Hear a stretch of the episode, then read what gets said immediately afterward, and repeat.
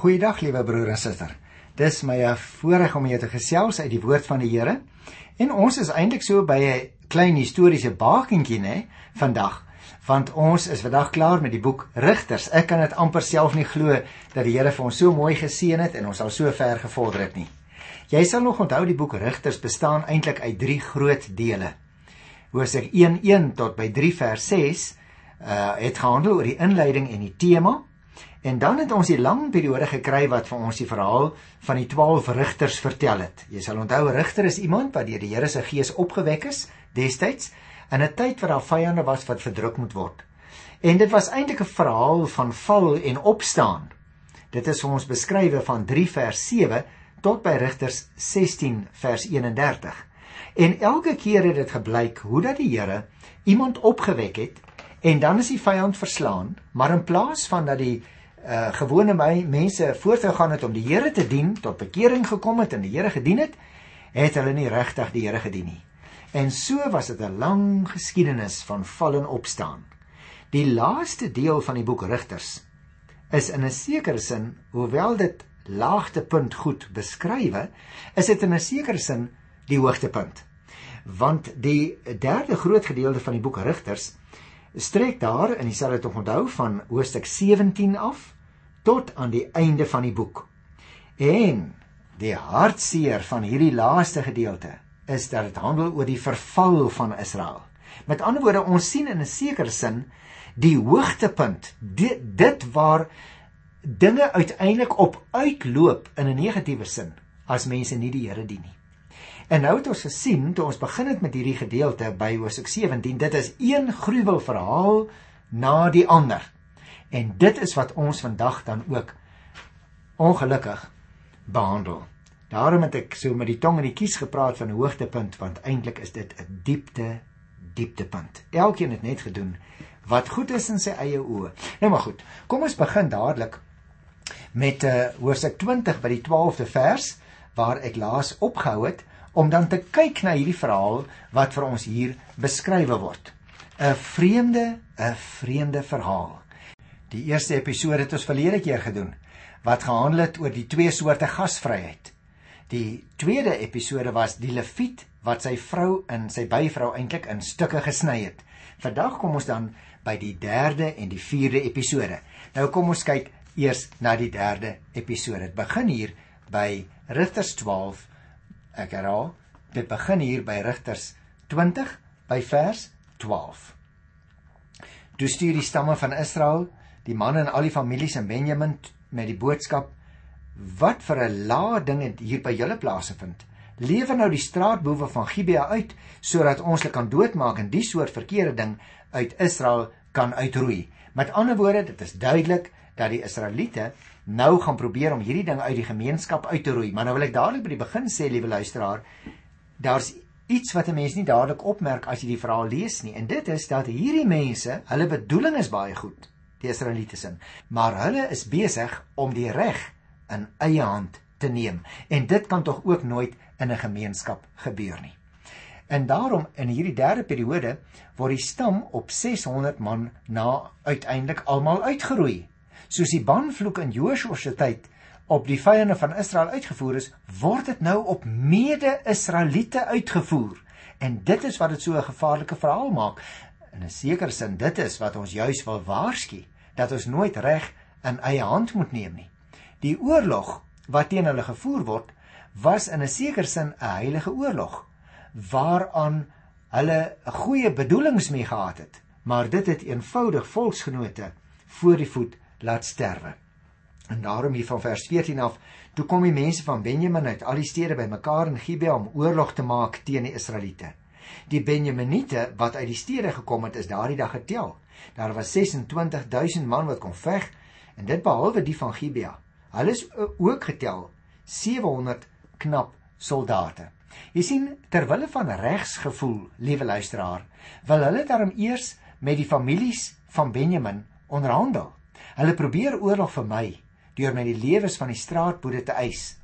Die soort kwaad wat hulle gepleeg het, moet met die dood vergeld word in daardie tyd. En daarom die Benjaminiete luister egter nie. en neem so die gesamentlike verantwoordelikheid van die dade op hulle self. Die Benjaminiete gaan dadelik daartoe oor om hulle leer op te roep en te monster. Die totaal, het ons gelees, was 26000 plus 700 van Gibea wat daar gewoon het in die omgewing. Die 16de vers gee dan ook nou vir ons nog nuwe inligting. In daardie hele leer was daar 700 knap soldate, almal links. Hulle kon een keer, ek herhaal, hulle kon keer op keer 'n haar raak gooi met 'n klip uit 'n slingervel. Nou dis 'n interessante mededeling, né? Want 700 knap soldate, lees ons, was links en hulle was meesters met 'n slingervel. Dit laat my amper dink aan koning Dawid se tyd later, né? Daar in 1 Samuel 17 van vers 49 in sy botsing met ou Goliat. Maar ek wil nie nou daaroor praat, jy gaan nog daarby kom. Hulle kon hierdie manne kon akkuraat met klippe gooi. En hulle kon ook tot 'n half gram swaar wees hierdie klippe en teen 'n spoed van ongeveer 140 km per uur getrek as jy dit uitwerk. maar kom ons lees verder vers 17 en 18. Die Israeliete is ook getel. En sonder Benjamin was daar 400 000 man wat kon veg, elkeen reg vir die oorlog. En dan kom hulle nou en die Israeliete het gevra: "Wie van ons moet eerste optrek om teen Benjamin te gaan veg?"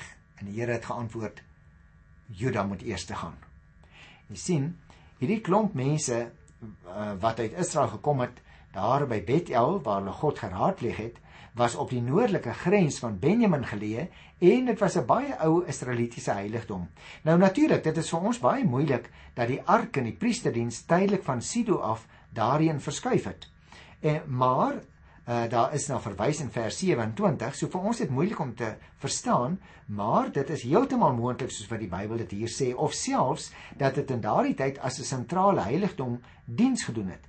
Die Israeliete, nietemin, vra nie vir God of hulle saak reg is en of die Here wil hê dat hulle teen hulle broers moet gaan veg nie. Hulle stel net belang in teen wie moet ons eers optrek? Hulle is naamlik dus baie seker van hulle saak. En nou moet jy oplet. Hulle het nie die Here gevra of hulle mag uittrek nie, maar nou hier langs die pad.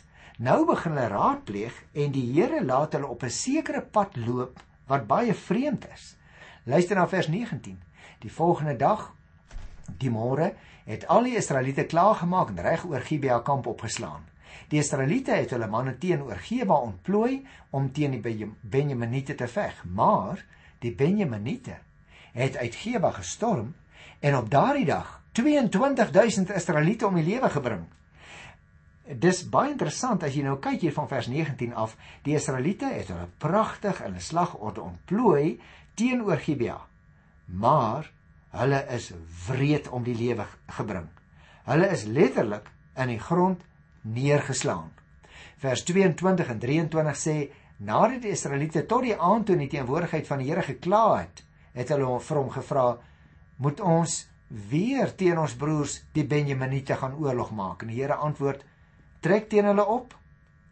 Toe die Israeliete moed geskep, weer hulle manne ontplooi om te veg waar hulle dit die vorige dag gedoen het. Jy sien die volgorde waarin hierdie twee verse aan ons deurgegee is, uh, is so bietjie verwarrend. Want ons lees, hulle het voor die Here gekla en soos hulle gewoonlik gedoen het in daardie dae in die kultus, in antwoord op hulle vraag, sê die Here dat hulle moet optrek. Maar hy het nie die uitkoms vir hulle te kenne gegee nie. Nou die Israeliete skep dus nou moed, maar hulle vertrou te veel op hulle self Kom ek lees verder van 24 af. Die tweede dag het die Israeliete weer die Benjaminiete aangeval, maar hulle het weer uit Gibeon uitgestorm en 18000 man van Israel om die lewe gebring. Almal goeie soldate. Jy sien, al die Israeliete wat hier geveg het, is weer uiteindelik terug na Bethel toe en hulle huil weer. Maar die keer was daar 'n verandering van gesindheid. Hulle eie geregtigheid en hulle eie selfversekerdheid het 'n knou gekry en daarom vas hulle nou. Daarom bring hulle nou brandoffers as teken van hulle toewyding. Jy sien hulle besef ons het die nederlaag gelei en die Here het ons laat gaan omdat ons ons nie meer voor hom verootmoedig nie. Ons het nie meer gevra wat sy plan is nie. Ons het self besluit en dan het ons op eie krag staat gemaak. Daarom bring hulle ook nou maaltydoffers wat hier nie as dankoffers beskou word nie, maar as smeekoffers en om die gemeenskap van die Here te beklemtoon. Hulle verootmoedig hulle dit voor die Here en nou lees ons vir die eerste keer in vers 27. Hulle het die Here geraadpleeg. Die verbondsark van die Here was destyds by hulle. Jy sien dus, liewe luisteraar, nou raadpleeg hulle die Here. Nou besef hulle 'n mens kan nie as jy 'n gelowige is in eie krag uitgaan nie. En daarom hier van vers nie uh, 28 se einde. Toe antwoord die Here: Trek op. Môre gee ek hulle in julle mag. En van die Israeliete het toe rondom Gibea in hinderlaag gaan lê. Op die derde dag het die ander Israeliete teen Benjamin opgeruk en die manskappe reg oor Geba ontplooi soos die vorige kere. Die Benjaminiete het die soldate tegemoet gestorm, maar die Benjaminiete is van die stad al weggelok. Soos die vorige kere het hulle die Israeliete verslaan en begin doodmaak op die groot paaie na Bethel en Gibea toe. Hulle het sowat 30 Israeliete om die lewe gebring. Ons het dus 'n vreemde vreemde situasie wat hom ook nou hier voor ons begin om ontplooi, liewe luisteraars, want hulle raadpleeg die Here en die Here sê vir hulle, hulle kan maar gaan. Maar in die 28ste vers word vertel dat Pinias Dis 'n interessante naam want dit was 'n naam van Egiptiese oorsprong wat moontlik neger kan beteken. Interessant. En hy was die seun van Eleazar, die seun van Aaron en dus was hy uit die Lewiete stam. En hy het destyds as priester in Bethel gedien. Dit wil sê gewone kultiese diens. Nadat die Israeliete hulle waarlik voor die Here verootmoedig het, het die Here nou geantwoord dat hulle moet optrek en hierdie keer deel hy hulle ook die uitslag van die geveg mee. Hulle sal na die 3de dag, let op, hulle sal na die 3de dag se aanslag moet erken dat die oorwinning van die Here gekom het. En daarom, liewe luisteraar, as 'n mens nou kyk hierdie vers 30 tot 31 waar gelees het die Benjaminiete word weggelok en hulle word van die stad afgesny. Die groot paaie waarvan ons lees, verwys gewoonlik na die gemaakte paaie en nie blote voetpaaie nie. Die getal gesneuweldes is nou baie kleiner, né? Net 'n paar in die 30 as die vorige kere. Luister vers 2 en 33, die Benjaminiete het gedink soos voorheen is hulle weer deur ons verslaan. Maar die Israeliete het afgespreek. Ons sal vlug en hulle uit die stad na die groot paaie toe lok wanneer die grootste deel van Israel uit sy plek pad gee en by Taal Tamar ontplooi, moet die Israeliete wat in die hinderlaag lê, uit hulle plekke wes van Gibeon opspring. Jy sien dis wat hier gebeur.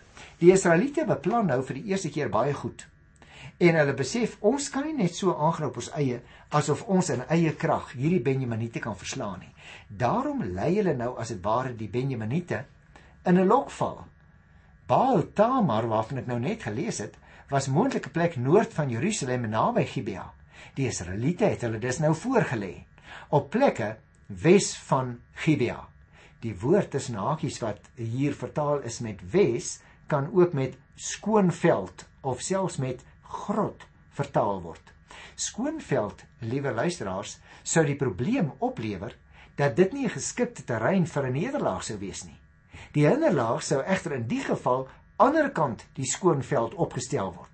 Die Hebreëus lees hier Geba wat eintlik niks anders is nie as 'n ander vorm van Gibea. Sommige verklaarders dink egter hier aan 'n plekkie Geba wat dan 'n paar kilometer noord van Geba af sou gewees het. Hoe dit ook al sy, nou kom daar 'n interessante wending hier by vers 38. Daar was 'n afspraak tussen die Israeliete en hulle hinderlaag om 'n groot rookvolk in die stad op te stuur. Toe die Israeliete omdraai om te veg, het die Benjaminiete begin om hulle dood te maak. So wat 30 man is om die lewe gebring en die Benjaminiete het gedink, ja nee, hulle is weer deur ons in die geveg verslaan soos die vorige keer. Toe die rookwolk uit die stad begin optrek, het die Benjaminiete omgedraai. Maar die stad het klaar in vlamme gestaan. Toe die Israeliete omgedraai het om te veg, het die Benjaminiete baie bang geword, want hulle het besef dat 'n groot ramp hulle getref het. Hulle het met die woestynpad voor die Israeliete weggevlug, maar hulle kon die geveg nie vryspring nie, want die wat die stad in puin gelê het, het hulle verslaan. Jy sien luisteraar, die teken vir die hinderlaag was 'n rookwolk. Rookwolk en vuursyne. En dit is gewoonlik 'n teken wat in die ou nabye ooste gebruik is deur mense wanneer hulle in die geveg beland. En nadat die Benjaminite nou besef het dat hulle verslaan is, het sommige van hulle met die woestynpad begin wegvlug. Die pad loop in 'n noordelike rigting na Jerigo toe. En dan vertel die 43ste vers, die Benjaminite is omsingel en sonder genade is hulle agtervolg. Hulle is reg oor Gibea aan die ooste kant platgeloop. Van Benjamin het daar in die geveg 18000 man geval. Almal dapper soldate. Die ander het weggekom na die woestyn toe, na die Rimmon rots toe. Op die groot paaie het die Israeliete nog 5000 man doodgemaak. Hulle het die Benjaminite nog agtervolg tot by Gideon en 2000 man is om die lewe gebring. Jy sien, die Benjaminite is sonder genade agtervolg staan daar. Die sonder genade is ook al op 'n ander plek vertaal met op die rusplek of dit is miskien selfs ook die naam van 'n plek wat daarmee weergegee word. Daarmee wil ek dink die Bybel net vir ons dit sê, uh broer en suster, die afloop van die geveg moet ons vir julle vertel. En hier volg dit dan vers 44 en 45 op die woestynpad moes die voortvlugtige Benjaminite verby die Rimmon rots gaan tot by Gidom wat tussen Gibea en die Rimmon rots geleë was, is nog 2000 mense verslaan. En dan kry ons die einde van hierdie verhaal van vers 46 af.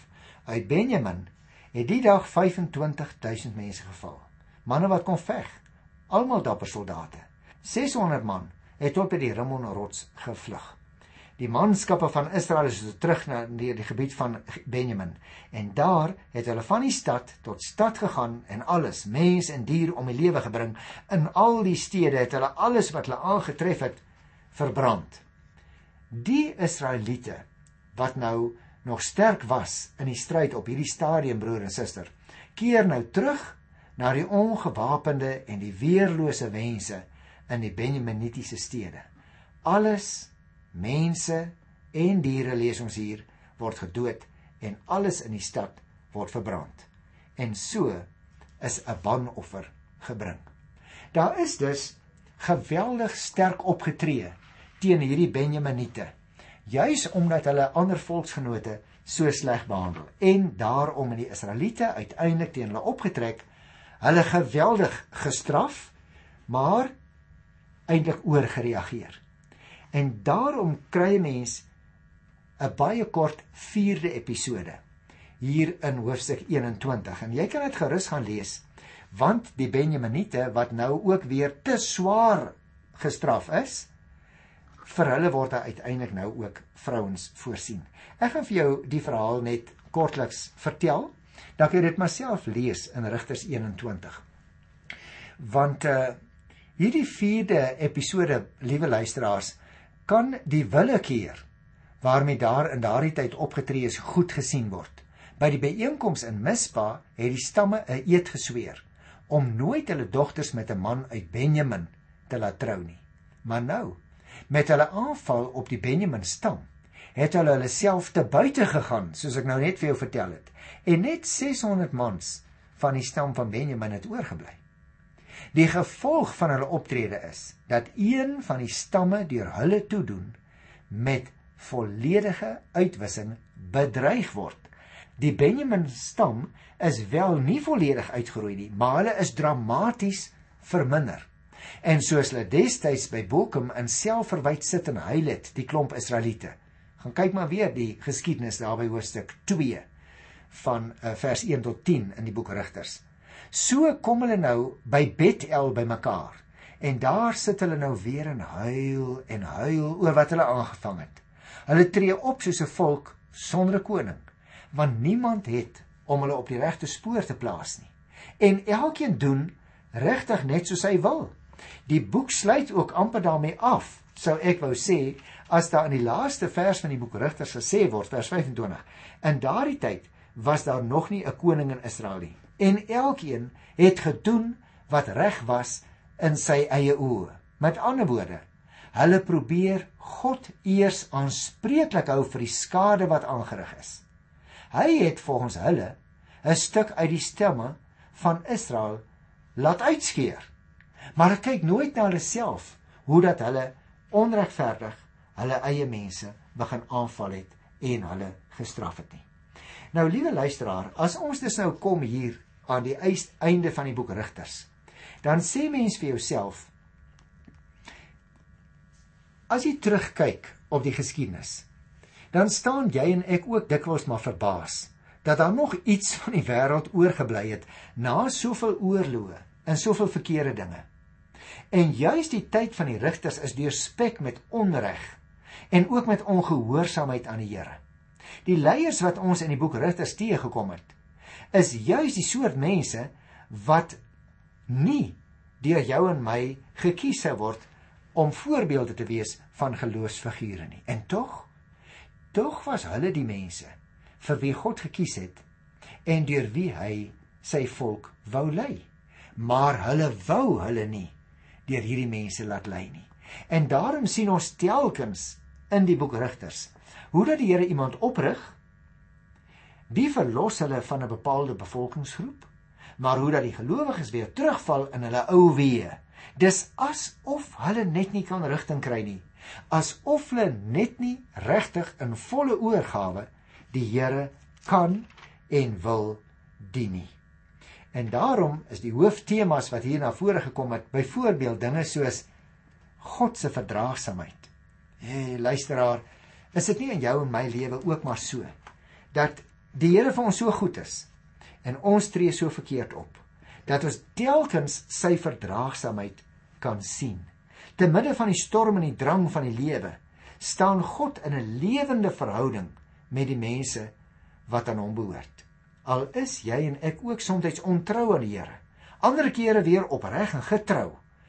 Deur alles laat hy ons vir geen enkele oomblik aan onsself oor nie. Ons het ook in hierdie boek iets geleer oor God se werkswyse. God se gees, liewe broer en suster, rus ons toe om aan hom diensbaar te wees. Ons moet natuurlik ook gewillig wees om deur die Here se gees gelei te word in die volle waarheid.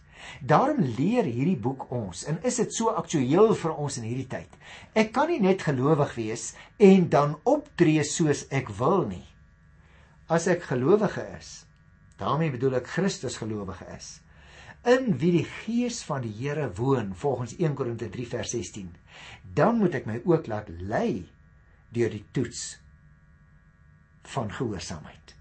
En daarom wil ek afsluit luisteraars om behalwe gehoorsaamheid as een van die temas ook nog te onderstreep vir jou vertel en herinner aan 'n geloofstoets. Jy en ek moet voortdurend toets of ons woorde en ons dade werklik van gehoorsaamheid aan die Here getuig. En as dit nie uit God en deur God en tot God is nie, dan is al ons woorde en dade nutteloos, liewe luisteraar.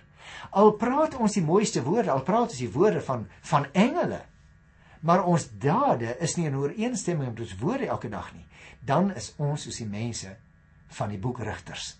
Dan hoor ons die woord van die Here, Sondag vir Sondag miskien, maar ons doen dit nie. Dan het ons die woord van die Here maar ons volg dit nie, dan is ons soos mense wat hoor, maar dit is asof ons luister na 'n klinkende simbaal. Ek wil graag vir jou vra hier aan die einde van die boek Rigters, liewe luisteraar. Luister jy net wat die Here sê of doen jy wat die Here sê? Dat van ons geskiedenis nie ook uiteindelik 'n opsomming gemaak sal moet word en daaroor geskrywe word die verhaal van verval van hierdie land nie. Mag die Here vir jou en vir my, vir ons almal daarvan bewaar. Kom ons dien die Here met nuwe toewyding. Volgende keer, broer en suster, begin ons dan so die Here wil met die boekie Rut. Tot dan. Tot ziens!